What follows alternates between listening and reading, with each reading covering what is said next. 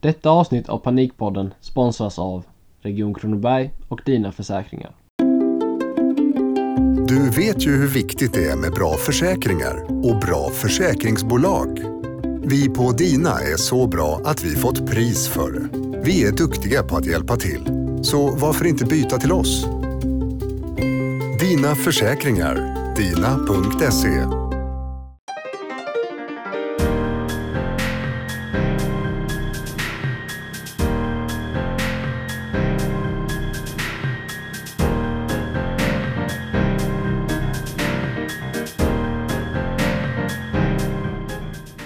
Välkomna till fjärde avsnittet av eh, Panikpodden. Idag är vi här med Inge Gunnarsson. Välkommen Inge. Tackar. Så likt gjort de andra avsnitten så kommer vi börja med en liten faktaruta. Bara för att få veta mer om dig. Eh, inte så mycket om psykisk ohälsa kanske, men om dig som person. Så om vi börjar med fullständigt namn, Ja, Inger Susanne Gunnarsson. födelsedag, Japp, jag är född den 25 september 1961. Familj, Mm. partner, barn. Ja, en sambo sedan ganska länge. Mm. Sambo låter ju alltid som någonting nytt, men min Ja. sambo har hängt med i 33 år. Ja, och tre vuxna utflugna barn, fem barnbarn. Mm. Om du skulle vilja berätta lite kort om din karriär, jobb just nu, din Mm. utbildning, Mm. eh, vägen, du jobben du har haft på vägen och så. Ja, det har varit ganska varierande. Jag är samhälls, har gått samhällsvetenskapliga Mm. programmet en gång i tiden. Därefter har jag jobbat som lärare. När jag kom ut från gymnasiet så var det precis som idag lite lärarbrist. Så jag jobbade som obehörig lärare i fem år faktiskt på gymnasiet. Eh, därifrån gick jag till Statens järnvägar som det hette. Eh, helt annan sak. Och eh, sen har det varit lite från och till med ja, barn. Vi har ett fritidsjordbruk som vi har jobbat en del med. Mycket i eh, ja, lite olika anställningar på olika håll och kanter. Och när jag var på Statens järnvägar så var det också inom olika områden. Så det blev ganska mycket olika saker. Började läsa ganska sent och läste till socionom i Lund. Eh, och sen jobbat på barn och ungdomspsykiatrin och som skolkurator nu i ganska snart. Och för ungefär åtta år sedan så startade jag eget företag i den här branschen. Så jag är kurator på frilansbasis kan man väl nästan säga, som egen företagare alltså. Mm. Så du har inte alltid jobbat inom eh, det här med psykisk ohälsa utan du, Nej, många år? jag har väl alltid jobbat med människor egentligen. Ja. Ja, och utbildade mig ganska sent. Jag var faktiskt 38 när jag började läsa till socionom. Och efter det så kom jag ut och gjorde min praktik inom barn och ungdomspsykiatrin och sen har det varit det och skolkuratorsbiten. Mm. Så förutom jobbet, Mm. eh, vad gillar du att göra på fritiden? Utöver? Ja, jag är kanske en sån där människa som har haft lite för mycket olika intressen Mm. för att hinna med dem egentligen. Men det har varit mycket föreningsliv och eh, eh, ja, bor man på landet så är det ganska mycket som eh, kanske tillhör den livsstilen också. Det har varit ganska mycket djur och som jag nämnde, litet jordbruk och sådana grejer. Mm. Men massa olika saker egentligen. Kul. Ja, men vi hoppar väl in direkt i den första frågan då. Alltså, vad är psykisk ohälsa? Om du får definiera det. Mm. Där sa du någonting och jag får definiera det. För jag Mm. tänker så här, psykisk ohälsa som begrepp, finns det en definition på det? Eh, så jag tänkte att här får jag nog liksom kolla upp egentligen. Eh, men jag tror inte att det finns en exakt definition på begreppet psykisk ohälsa. Och om man tänker att motsatsen till ohälsa är ju hälsa. Eh, och när går hälsan från att vara hälsa till att bli ohälsa? Och det är ganska svårt att definiera det exakt. För det handlar ju mycket om hur jag upplever mitt eget mående. Och delvis också klart hur andra ser på mitt mående. Eh, Så någon riktigt exakt definition, det handlar nog mer om att man måste göra en sammantagen bild av en person, en människa, hur den mår och hur det funkar.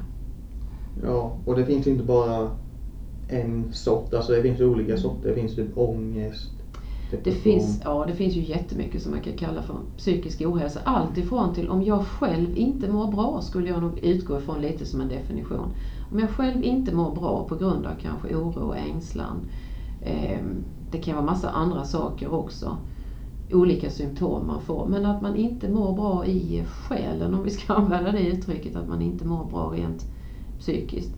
Ja, då är det ju någon form av psykisk ohälsa. Sen är det som ni är inne på, allt ifrån att man kanske är lite eh, orolig, lite ängslig, över till att man har en kraftig ångest, över till eh, det som gränsar till att vi sen pratar om psykiska sjukdomar, inte bara ohälsa. Vad skulle du säga är den vanligaste typen av psykisk ohälsa?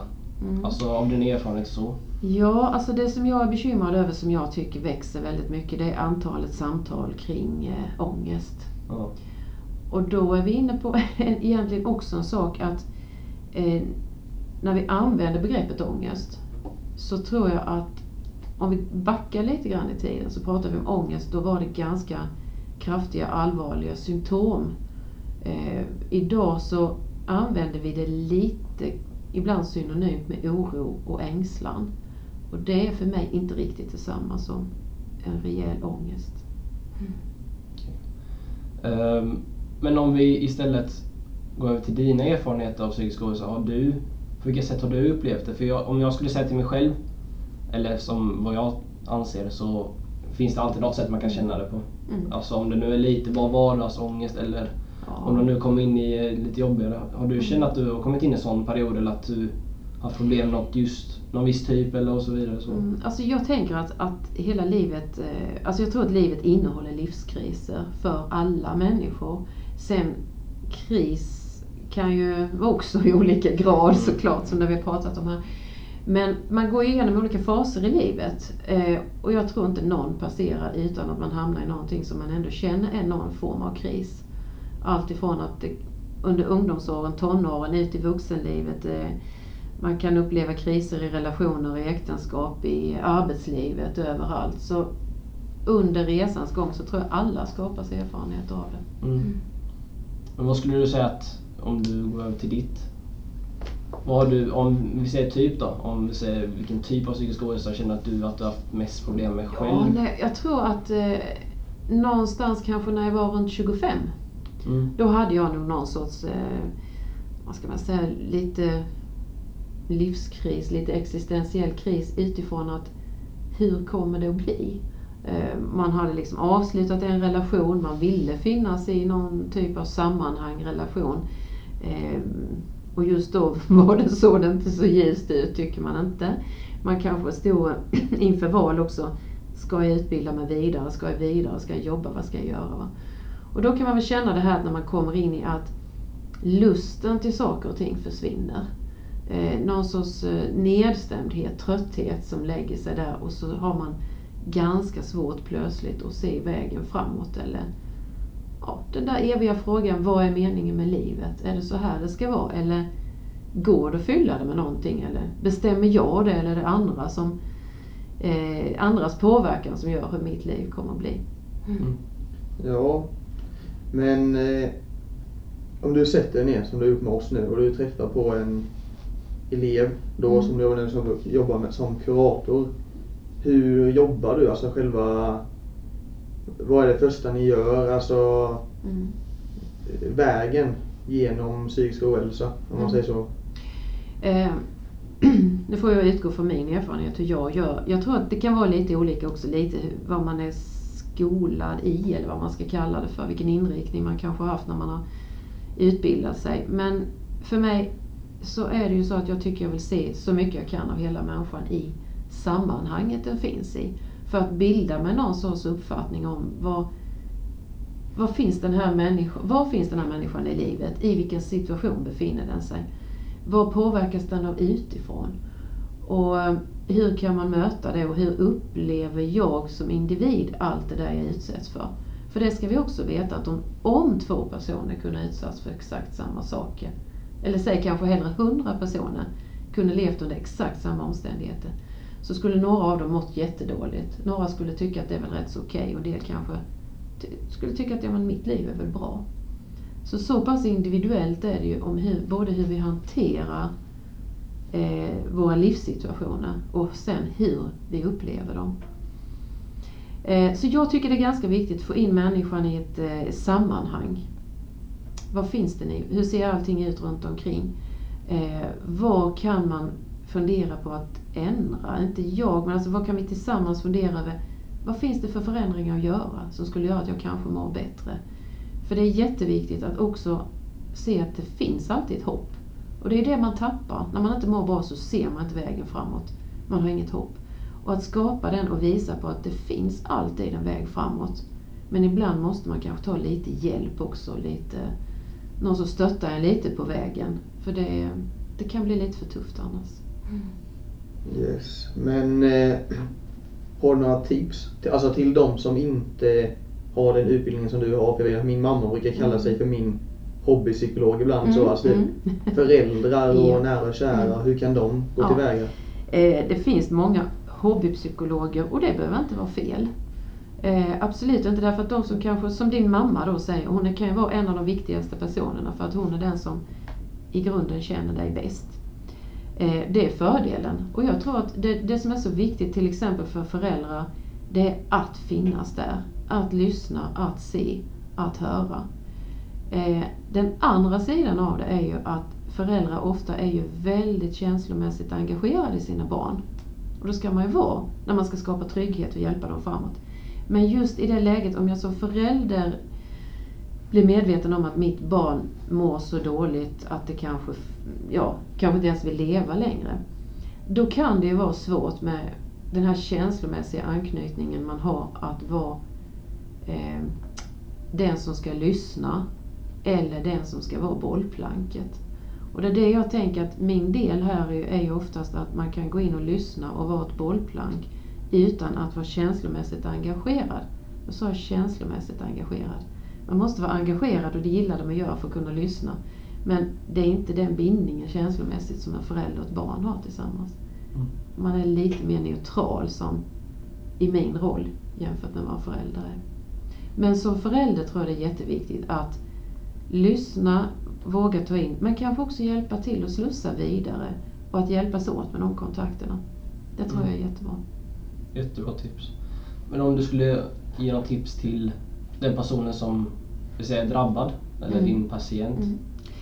Ja, det är ju att fortfarande så tycker jag att vi känner av lite av det här att det är ett steg som ibland är lite för långt att prata med en kurator. Eh, eller att söka till eh, ungdomsmottagningen eller till BUP eller vad det är för någonting. Och då tänker jag att jag skulle önska att det är så att det är inte konstigare att göra det än att om jag har väldigt ont i magen eller jag får en blindtarmsinflammation. Om jag skulle få det så väntar jag inte på att den ska gå över. jag tänker inte att den får läka ut av sig själv. Om jag går in i en depression så kanske jag ska också tänka på samma sätt. Jag behöver hjälp. Mm. Visst, en helt annan typ av hjälp men den är precis lika viktig. För en depression i sig kan ju vara lika livsfarlig i slutändan som en brusten blindtarm. Det är lika livshotande tillstånd om det går tillräckligt långt. Mm. Eh, om vi går över till nästa fråga så undrar vi vad var det som fick dig att börja jobba som kurator, att börja jobba med människor? Eh, Mm. Ungdomar, alltså människor, vuxna. Mm. Eh, om detta ämnet då? Ja, alltså det var väl lite olika saker men sen Jag har alltid tyckt det var spännande hur tänker människor? Alltså hur, hur Både hur tänker vi förnuftsmässigt men framförallt hur tänker vi känslomässigt? Och eh, många gånger skillnaden mellan hälsa och ohälsa är ju hur vi kan tänka kring saker och ting. Och hur vi ibland måste kanske förändra vår tanke lite för att se det ur ett annat perspektiv. Vilket i sin tur kan påverka hälsan. Så jag tror att det var mycket det här intresset att, ja vad kan man göra egentligen? Hur kan man eh, ibland förändra synen och tanken, perspektivet hos någon och få den att må bättre? Andra delen i det är ju att man träffar barn och ungdomar som lever under omständigheter som inget barn eller ungdom ska behöva leva under. Och det ingår ju också i kuratorns, i socionomens roll i allra högsta grad. Att i så fall larma och säga, det här är inte okej. Det är fullt normalt att må som du gör när du lever i en totalt onormal situation. Så att det är två delar egentligen. Dels det här praktiska att se vad finns det här barnet i för sammanhang? När ungdomen, hur lever den? Är det där vi måste göra någonting? Eller handlar det mer om att kanske stötta, backa upp och ibland försöka hjälpa till att se det ur olika perspektiv och på det sättet också må annorlunda, må bättre. Mm, yes. Men du, du sa ju det, du började inte jobba förrän du var, eller du började inte utbilda förrän du var 38 år Ja. Till, Mm. Men du sa även att du alltid har Mm. jobbat med människor på ett eller annat sätt. Ja. Jag var ju i skolans värld i fem år och då är det ju, då är det ju mycket det pe- pedagogiska perspektivet. Och det handlar ju i grunden om hur når jag fram till någon annan? Om jag vill att den här personen ska lära sig någonting. Hur når jag fram? Om den inte lär sig, vad beror det på? Hur tänker den? Hur fungerar den? Va? Ehm, så där har man ganska mycket med sig från den biten. Ehm, sen har det ju tangerat eh, att jobba med människor fast på olika sätt hela resan igenom. Eh, eh, innan jag utbildade mig. Och sen så fick man egna barn, man får föräldraperspektivet. Så det som jag tycker var jättepositivt, man kan ju tycka det är väl väldigt sent, ja på ett sätt. Men det jag hade med mig in när jag gick in i min utbildning på socionomutbildningen i Lund, det var ju en erfarenhet som jag aldrig kunde läst mig till. Och de här olika perspektiven. Ni kan ju tänka själva, ni har ett perspektiv som elever redan, eller hur? Mm. Ni har ett perspektiv som barn till någon förälder. Eh, så, och sen får man perspektiv från de olika jobben, arbetskamrater. Och så får man föräldraperspektivet. Eh, och då har man redan hunnit få med sig ganska mycket erfarenhet i ryggsäcken. Som gör att eh, ja, jag tror man har nytta av det i sin utbildning och så småningom sen i sin yrkesutövning. Mm. Ja. Men eh, du, när du gick på gymnasiet, när du var i, i vår ålder, var du även lika så här att du var väldigt med människor så och väldigt, vad kan man säga? Ja. Du förstår? Ja, jag förstår vad du menar. Eh, om, jag, om jag ska vara ärlig så tycker jag gymnasietiden, det var inte min grej riktigt. Nej. Eh, det var, alltså jag hade nog, jag hade väldigt bra betyg när jag gick ut. Men eh, jag kan inte säga att jag tyckte det var så kul. Idag pratar vi om att eh, det måste vara, vi har haft en period när vi har pratat mycket om det lustfyllda lärandet. Det måste vara roligt, man måste vara engagerad. Eh, för mig så var det nog mer ett jobb. Jag slet på och det blev bra resultat. Men jag tyckte inte det var kul, det kan jag nog inte säga precis. Eh, intresse för människor? Ja, alltså jag hade ju redan då tankar kring, jag gick ju samhällsvetenskapliga programmet och eh, ja, alltså det låg ju någonstans där, lärargrejen, ja, är det kanske det? Men sen någonstans kände jag att det jag vill jobba med, det är ju mer det förändringsarbetet man gör hos någon eller några som kanske hamnar i en situation i livet där det blir tufft och man vill komma vidare. Mer det än att bara se till att eleverna lär sig mycket och har goda resultat och betyg när de går ut. Måendet är ju, alltså det är ju bara så att mår vi inte bra då får vi svårt att lära. Vi får svårt att komma vidare. Har vi svårt att lära å andra sidan mår vi inte heller bra av det. Va? Så lärande, mående, det ligger nära vartannat. Och så gör, gör det i fortsättningen av livet också. Mår jag bra så är det ju lättare att få till ett, eh, en god vardag, om man säger så. Yes. Men är det någon skillnad hur du jobbar med ungdomar och vuxna? Om man talar psykisk ohälsa, hur du bemöter dem? Ja, alltså bemötandet i grunden handlar ju alltid om att vara nyfiken, intresserad och lyssna. Och vilja eh, vara en del i den här människans liv en liten stund. För man kan ju säga att när någon kommer in här och berättar så får man ju följa med en liten bit på den, en resa för någon som den gör. Och det är rätt fantastiskt att man får göra det. Eh, men jag tänker just att om jag har en vuxen person så har den med sig en ryggsäck av livserfarenheter, mer eller mindre. Den har en verktygslåda som består av ett antal verktyg som den skaffat sig genom resans gång. Alltså strategier helt enkelt. Hur gör jag i olika situationer? Men om jag möter barn och ungdom, och då utgår man, ska jag säga, med vuxna, då kan man ju utgå ifrån också, kan du själv hitta, när har du, har du varit i liknande situationer innan, hur gjorde du då? Skulle du kunna använda den strategin igen? Vad behöver du justera? Vad har hänt sedan dess? Har du ett nytt verktyg här? Eller har du till och med ett verktyg i din verktygslåda som du har använt innan? Men just i det här läget så har du glömt bort att du har det. Kan vi plocka fram det igen? Men hos barn och ungdomar kan man ju inte förvänta sig det. Alltså de har ju inte levt så länge att jag kan hänvisa till att de ska plocka fram en massa livserfarenheter och använda sig av. Och då är det ju inte heller så att man kan säga till barn, gör så här och så här. För det är ju individuellt för var och en hur man, vilken lösning som blir bäst om man kommer vidare. Men däremot så kan man bjuda på lite tankar, på lite erfarenheter, lite tips. Och man kan säga, om du gör så här, tror du det skulle kunna vara bra? Skulle du kunna testa och säga så här nästa gång det här händer? Och se, vad gör det för skillnad? Eh, för man kan ju inte räkna med att de ska kunna plocka fram allt det här och sig själva använda. Mm. Utan där handlar det mer, tycker jag, om att eh, visa på alternativ, ledsaga, ge tips och tankar och råd och stöd i allra högsta grad. Mm. Och alltid hopp och framtidstro. Det är kanske det viktigaste jag har att hjälpa till med att fixa den delen. Mm. mm. Vi ska strax runda av detta avsnittet mm. men du sa i början att du ser en ökning i ångest bland mm. annat.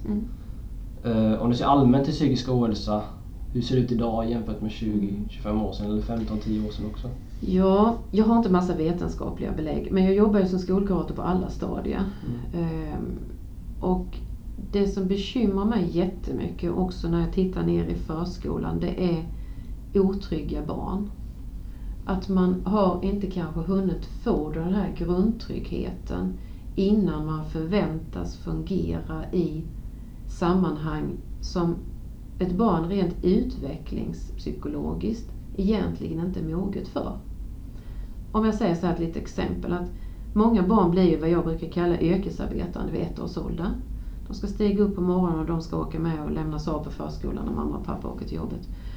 Eh, och det beror ju inte på alltid att föräldrarna vill ha det så utan det beror på att vi har byggt ett samhälle som bygger på att båda ska arbeta.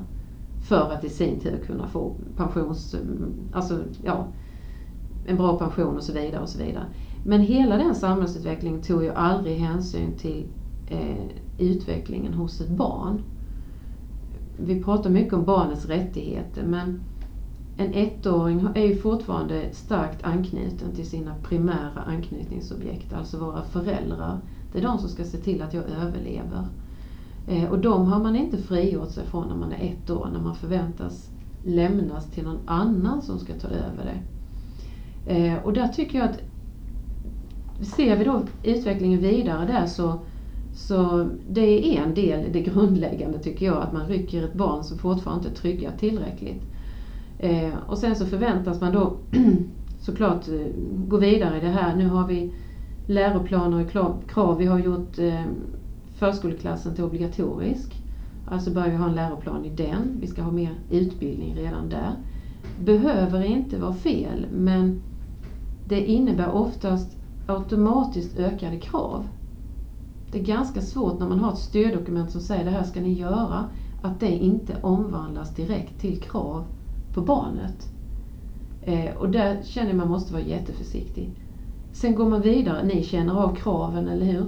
Mm. Mm. Ganska ofta ja. misstänker jag. Stress, krav, ni får höra, ja men ni måste ha en gymnasieexamen. Mm. Annars blir det inget av er. Om jag ska lite spetsa mm. till det. Va? Ehm, och samtidigt som vi då liksom har stakat ut hela den här vägen som är ganska kravfylld. Så mitt i det här för ett antal år sedan, ni säger hur såg det ut för 20-25 år sedan? Ja, den stora skillnaden var att då hade vi ju inte den teknik vi har idag med sociala medier. Eh, för är man en grupp så påverkas man ju av deltagarna i gruppen, de andra i gruppen. Eh, men idag så påverkas vi inte bara som barn och ungdomar av våra klasskamrater. Eh, vi kan lika gärna påverkas av en spelpolare i USA eller i Australien eller någon som förväntar sig någonting av mig där, att jag ska vara uppkopplad för då går nästa match i spelet så att säga, så så dags. Eller just det här att jag blir kommenterad hela tiden. Lägger jag ut någonting på mina sociala medier så får jag kommentarer tillbaka. Eh, och det är omöjligt att inte reagera på det. Så det finns så många faktorer som påverkar och det, det bildar också krav och stress på något vis. En del går in i det här jättehårt och mår superdåligt av det. Och ser man på grupperna då så har, tycker jag, jag upplever också att det är mycket drama utifrån det som skapas i våra sociala medier det som man inte förr hade tillgång till. Ja. Vilka typer, du sa innan ångest, Mm. finns det några andra typer som du tycker Ja. är vanligare? Alltså, jag vet, när jag vanliga vet ja, alltså det finns ju lite statistik på kring ätstörningar och eh, självskadeproblematiken. Mm. Ehm, ja, alltså tyvärr. Och, och tittar vi statistiskt så vet vi ju att den fysiska hälsan hos barn och ungdomar den har ju fortsatt att gå uppåt medan den psykiska ohälsan går på andra hållet. Och då pratar man ju mycket om BUPs resurser och så vidare och det är helt riktigt att det måste till mer. Men det är ju lite grann att vi kan inte bara jobba i den änden. Vi måste såklart ta hand om de som har dåligt idag, det är en självklarhet. Men vi måste ju börja titta på hur gör vi för att de inte ska hamna där. Det är ju det som är den viktigaste biten och där tror jag faktiskt att vi måste titta lite grann på minskad stressnivå för våra barn eh, och ungdomar. Eh, och tryggheten, det här att veta att här är jag trygg. Att eh, man har de här platserna, de här zonerna där man inte hela tiden utsätts för stress eller att du ska vara si eller sån om du ska vara accepterad, bli bekräftad. Någonting jag, mycket, som jag tycker jag, jag pratar med många om det är det här att man har ett bekräftelsebehov som jag inte såg innan. Eh, och nu är man, många ska jag säga, är jätteberoende av att bli väldigt mycket bekräftade. Annars så mår man inte så bra. Och det tycker jag tyder lite på att man har inte fått en grundtrygghet utan eh, som gör att man ändå vågar tro på sig själv även om, om det är Plus att man såklart utsätts i en helt annan grad för andras omdömen och tyckande när man finns i globala medier. Mm. Om vi ser det från andra hållet, är det fler som söker hjälp? Exempelvis hos dig, ja, om du jämför Ja. med åren du arbetat. Jo men jag tror ändå det känns att, att det, det öppnar upp på ett annat sätt. Mm. Och det är också lite grann, det är upp till oss som kuratorer att eh, tala om vilka vi egentligen är och vad vi gör. Att inte vi blir någon kuf som sitter på ett rum och, och eh, samtalar och allt är jättehemligt.